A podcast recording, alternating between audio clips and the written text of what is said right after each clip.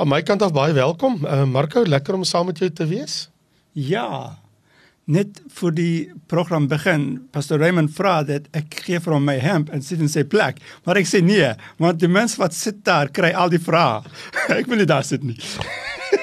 Ek moet die vrae antwoord. Hy vra die vrae, maar ons gaan iewers ter die bordjies vra. Eendag op hierdie program gaan ek in daai stoel sit. Ek wag my dag af in die nabye toekoms. Dan gaan ek vir Marco hier in die hot seat sit. Dan gaan ons hoor wat het hy van ons te vertel. Ek dink daardie dag uh, my kar gaan plat wil kry. of iets sal iets gebeur en ek sal nie by die studio wees nie. Jy gaan dit nie maak nie. Nee, maar dis reg. Ons het 'n baie interessante gesprek. Ons wil met jou praat oor ja, kom ons praat oor hoekom word daar nie meer want in die vorige program het ons gepraat oor wat is profesie, wat is die gawe van profesie, die Nuwe Testamentiese gawe en ons wil met jou net 'n kortlikse gesprek hê oor hoekom word daar nie meer gepreek in kerke oor Bybelprofesie nie. Uh en uh, en ek bedoel in die profesie rondom die wederkoms van Jesus hmm. en veral profesie rondom die wegraping. En weet jy wat se skokkende ding vir my Marko?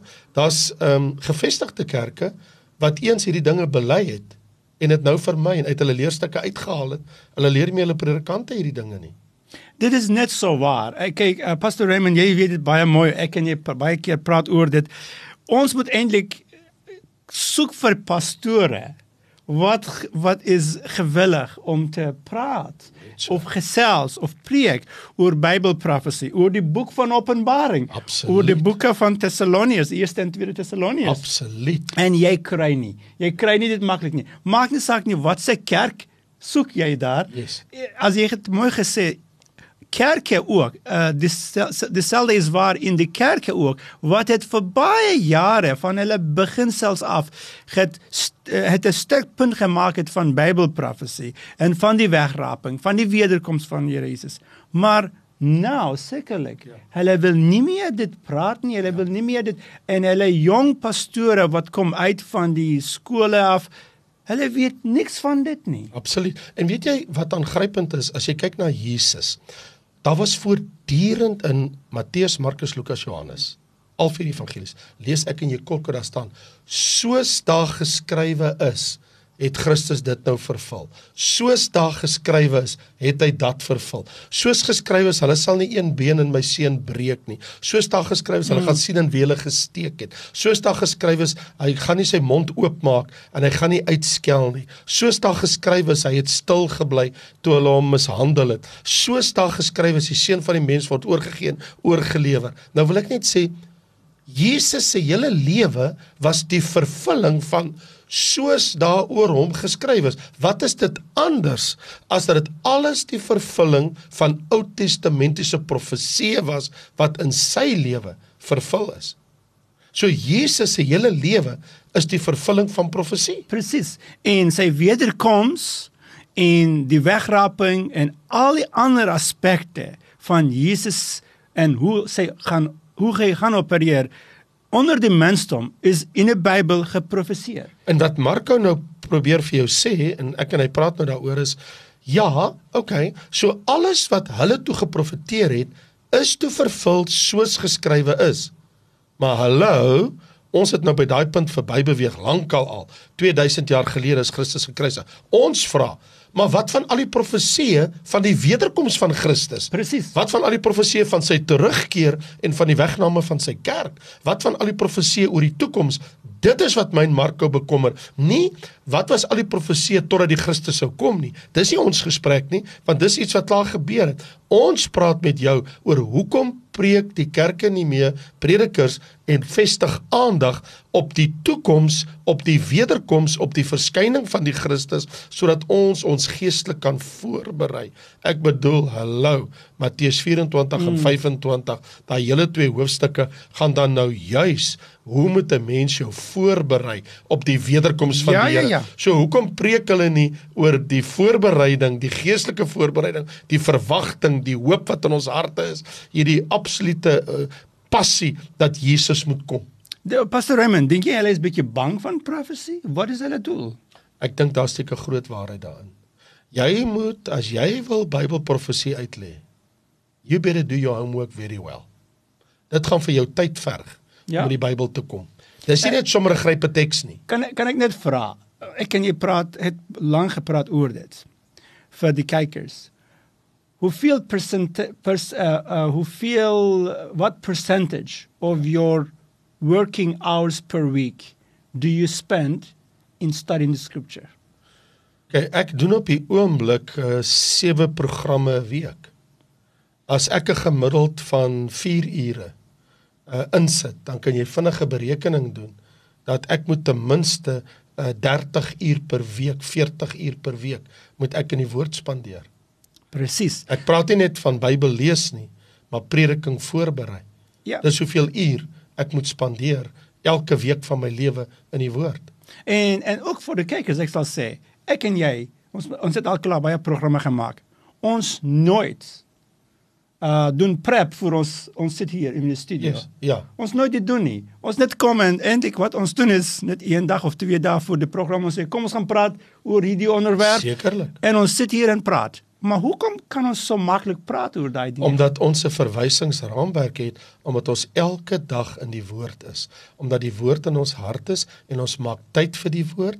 Nou dit kom natuurlik deur baie ure van Bybelstudie. Ek dink daai teks in Timoteus wat sê uh, show yourself approved before God uh as uh, stel jou beproef voor God as 'n werker wat hom nie hoef te skaam nie, wat die woord van die waarheid reg sny. Ek dink is 'n baie belangrike ding dat 'n mens moet in die woord van die Here kom. Ons moet dit lees, ons moet dit in ons hart kry, ons moet dit voorberei. Um om jou vraag te antwoord wat jy nou nou op die tafel gesit het, hoekom word dit nie gedoen nie? Hoekom gebeur dit nie? Ek dink omdat baie predikers spandeer nie werklik tyd om vir hulle self Presies, uit te dit was my punt van die begin af eintlik. Al daai twee vrae ek het gevra want ek gaan wys vir die kykers. Ja. Jy kan nie Bybelprofesie begin om te verstaan nie ja. as jy is nie regtig ernstig met die woord van die Here nie. Ja. Yes. Dit is die Ja. begin selfs. Ja. Ja, en dan 'n baie belangrike ding ook is jy kan ook die Nuwe Testamentiese Bybelprofesie uitlei as jy nie Ou Testamentiese Bybelprofesie ken nie. Presies. So dit sal beteken jy moet jou huiswerk gedoen het. dis harde werk, dis harde jy, werk. Ja, kom ek gebruik 'n illustrasie. Dan sal almal my verstaan. Kom ons sê Marco, jy het nog nooit in jou hele lewe die Ou Testament in jou hande gehad nie. Okay? Van Genesis tot Maleagi, jy weet niks. Okay? Ons maak dit nou as 'n veronderstelling. Hmm. En ek sit die boek Hebreërs voor jou neer. Wat wat gaan jy verstaan uit dit? Uit daar. Jy sien boem. Ja. Daar val alles plat. Want die boek Hebreërs veronderstel dat die leser het 'n grondige kennis van die offerstelsel en die priesterstelsel en die feeste van die Ou Testament. Ja. So Ah, nou wil ek sê, precies. as iemand wil Nuwe Testamentiese profesie uitlê, moet jy eers jouself kan vergewis dat jy 'n baie goeie grondige kennis van Ou Testamentiese profesie, soos byvoorbeeld die boek Daniël het. Anders Ja. gaan jy nooit die boek Openbaring kan antwoord. Presies, ek en ek het net aan aan dit gedink net nou. En as jy as uh, d- d- as jy nie dit jou persoonlike mission maak nie, persoonlike my personal mission in life. As dit is nie jou personal objective of mission in die lewe dat jy bestudeer die Bybel, die hele Bybel van die eerste woord tot die laaste woord. Ja. Dan jy sal nooit begin om te verstaan Bybelprofesie. Okay, so, so hier is 'n belangrike ding. Petrus sê in 2 Petrus 1 vers 19: Ons het die profetiese woord. Ja. Ons weet nie te soek nie. Dis klaar hier. Hier is hy, die Bybel. Wat vas is. Waarop jy tog moet ag gee. Mm. Dis waar die probleem lê. Mense maak nie tyd nie. Ja. Hy sê jy het dit gee aandag. Ja. Gee aandag. En, en lyk vir my Pastor Raymond, ehm um, jy kan my korrek as ek is nie reg nie, maar lyk vir my meeste van die Bybelskole dis daar. Leer nie Bybelprofesie nie. Hulle is meer hulle hulle is vir hulle dit is meer belangrik om te uh, leer wat hierdie man en daardie man, hierdie teoloog en daardie teoloog gesê het in die plek van wat sê die Bybel. En en en um ek het in die teologiese sirkel gewees het. Ek was 'n leraar in een van die baie bekende uh, Suid-Afrikaanse teologiese skole En in my al die jare daar as 'n student en later as 'n leraar, ek het nooit gesien baie sterk aandag in die Bybel, maar hulle groot aandag was altyd in die in die skrifte van ander teoloë. Ja. Ja. En nie om jou eie kennis te verbreek, jou eie teologiese verstaan nie. Ek dink dat uh, dit ontbreek by baie teologiese instellings waar Bybelprofesie afgeskraal is, waar Bybelprofesie amper kan ek 'n Engelse woord uitdrukking gebruik non-existent is. Ja, ja, ja. Bittermin. Okay, maar hier's waar ek nou is. Openbaring 1 vers 3 Jesus sê, ek bedoel die grootste profetiese boek in die hele Nuwe Testament, uh, die hele Bybel eintlik is die boek Openbaring. Ja. En dis die grootste profetiese stuk in die hele Bybel rondom die eindtyd leer. Dit is die pinnacle van alles. Right. En nou begin dit in vers 3 wat sê salig is hy wat die woorde van hierdie profesie lees, wie dit hoor en bewaar wat daar geskryf is. As jy 'n liefde het vir die boek Openbaring, as jy 'n liefde het vir God se profetiese woord, as jy 'n hart het om te wil om te verstaan, sal die Heilige Gees jou help staan. Ons begin ons moet almal iewers begin. Ek dink baie mense word ontmoedig. Kom ek sê vir jou, dis nou goed en wel en positief dat ek en jy oor die goed praat. Aan die negatiewe kant, mm. daar's soveel gemors op die internet. Mense weet Ja, ja, ja. wat moet hulle glo nie. Kom ek jou sê, Internet wie- prophets. Okay. Wie wat sê vir die gevaarlikste goed om te doen is om in baie boek Christelike boekwinkels in te stap. Want almal het hulle eie breinspinsels daar. Ja. Al die gemors is ook daar. Ja. So dit daar's nie net goeie goed nie. Daar's 'n klomp gemors. Ja. Goeters wat nie Bybel kan standhou nie. Die prosperity leer en al die gemors wat daar vandag is, die voorspoedsleer en al hierdie goeters. So dit lê alles daar en mense gaan koop dit en elkeen soek tog net 'n Bybelteks dat die Here met my moet praat. Jy weet, Marco, terwyl ek en jy nou gesels uh, met hierdie opname by ons kerk op die oomblik, soos ek en jy nou praat, is daar mense wat dwarsteer die hele Bybel lees, van Genesis 1 tot Openbaring 22 dag en nag 24 uur uit 24 uur elke halfuur lees 'n volgende persoon die Bybel. Ons leer ons mense lees God se woord. Kry vir jou Bybelleesprogram. As jy nie een het nie, kontak my, ek sal vir jou een gee. Ons het honderde gedruk en ons gee dit vir baie baie mense. As jy nie 'n gesonde Bybelleesprogram het, kom ek vir jou sommer sê, as jy wil Bybelprofesie Bybelprofesie wil betrokke raak, lees jou Bybel. Maar hoe lees ek my Bybel? Ten minste 4 hoofstukke per dag.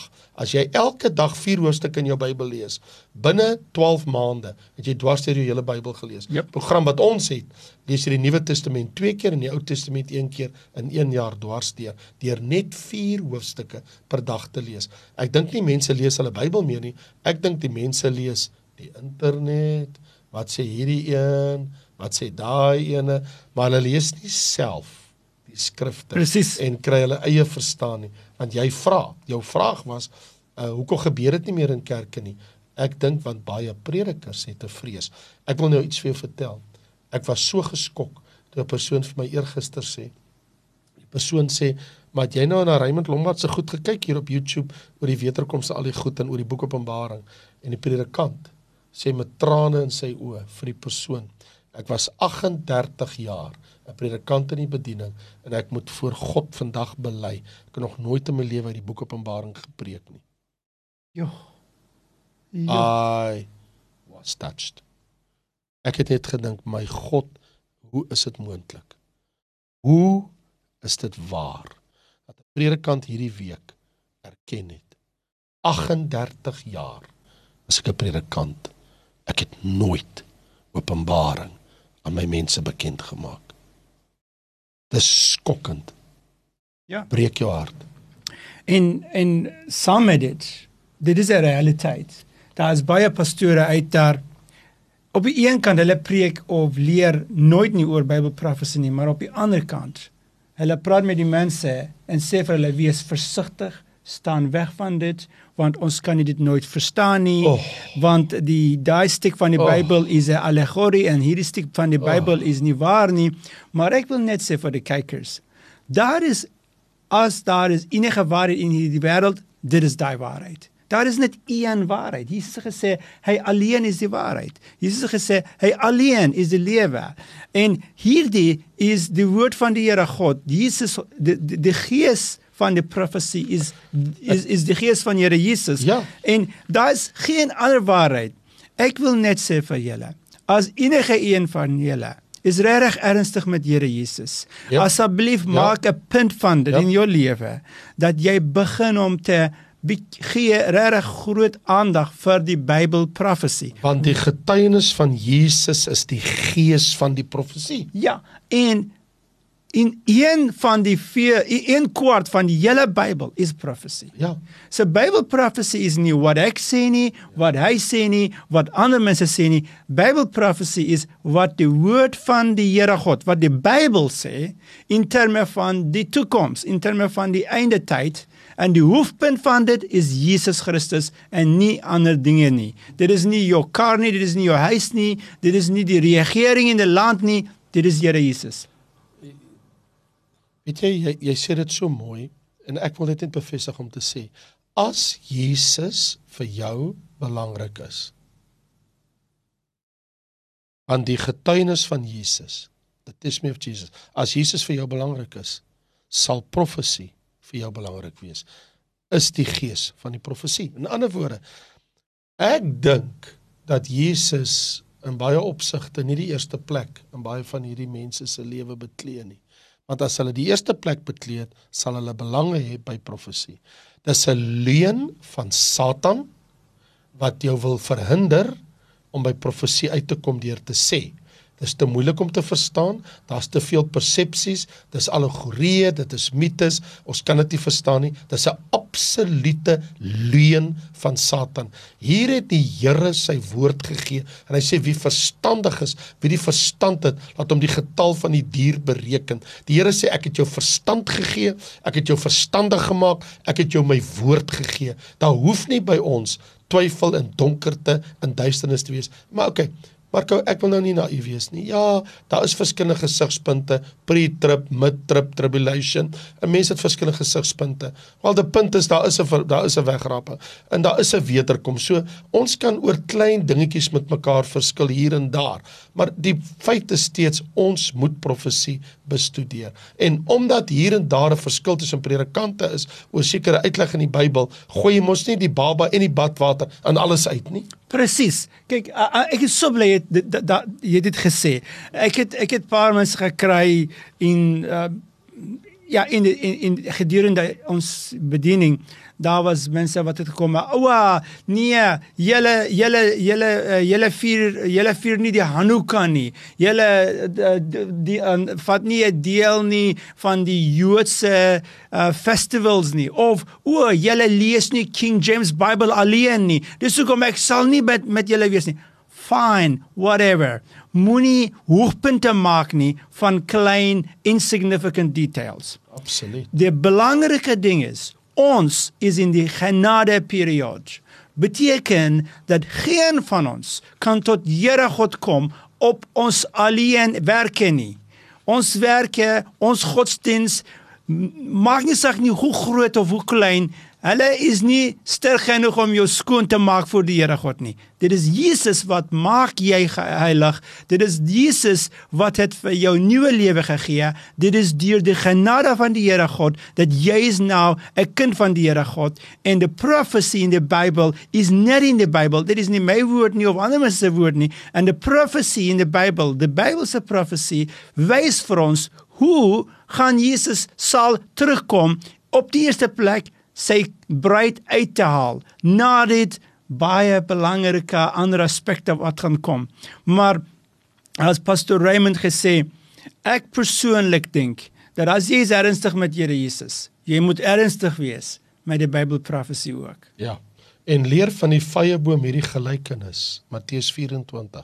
Wanneer sy tak al sag word en sy blare uitbot, weet julle dat die somer naby is. So weet julle ook wanneer al hierdie dinge sien gebeur, dat dit naby is voor die deur. Die hemel en die aarde sal verbygaan, maar my woorde sal nooit verbygaan nie. Al die profetiese woorde oor die wederkoms is daar in die skrif. Waak dan omdat jy nie weet watter uur julle Here kom nie. Daarom moet julle gereed wees want die seun van die mens kom op 'n uur dat julle dit nie verwag nie. En nou sê die woord: Waak dan omdat julle die dag en die uur nie weet waarop die seun van die mens kom nie. Ek weet ons tyd is verby. Ons het 'n aanduiding gekry van die kantoor hier agter ons. Julle tyd is op. Ek wil van my kant af groet en ek wil vir jou sê, kom ek en jy waak en bid en kry ons hart gereed vir die wederkoms. So weet jy wat? Paulus, hy het gesê, sy heel laaste hoofstuk wat hy ooit in sy lewe geskryf het, Marke wat ek en jy tot ons beskikking het, is in 2 Timoteus hoofstuk 4, toe hy gesê het, ehm um, dat die Here het vir my die kroon weggelê uh die kroon van geregtigheid nie net aan my alleen nie maar aan almal wat hom verwag het.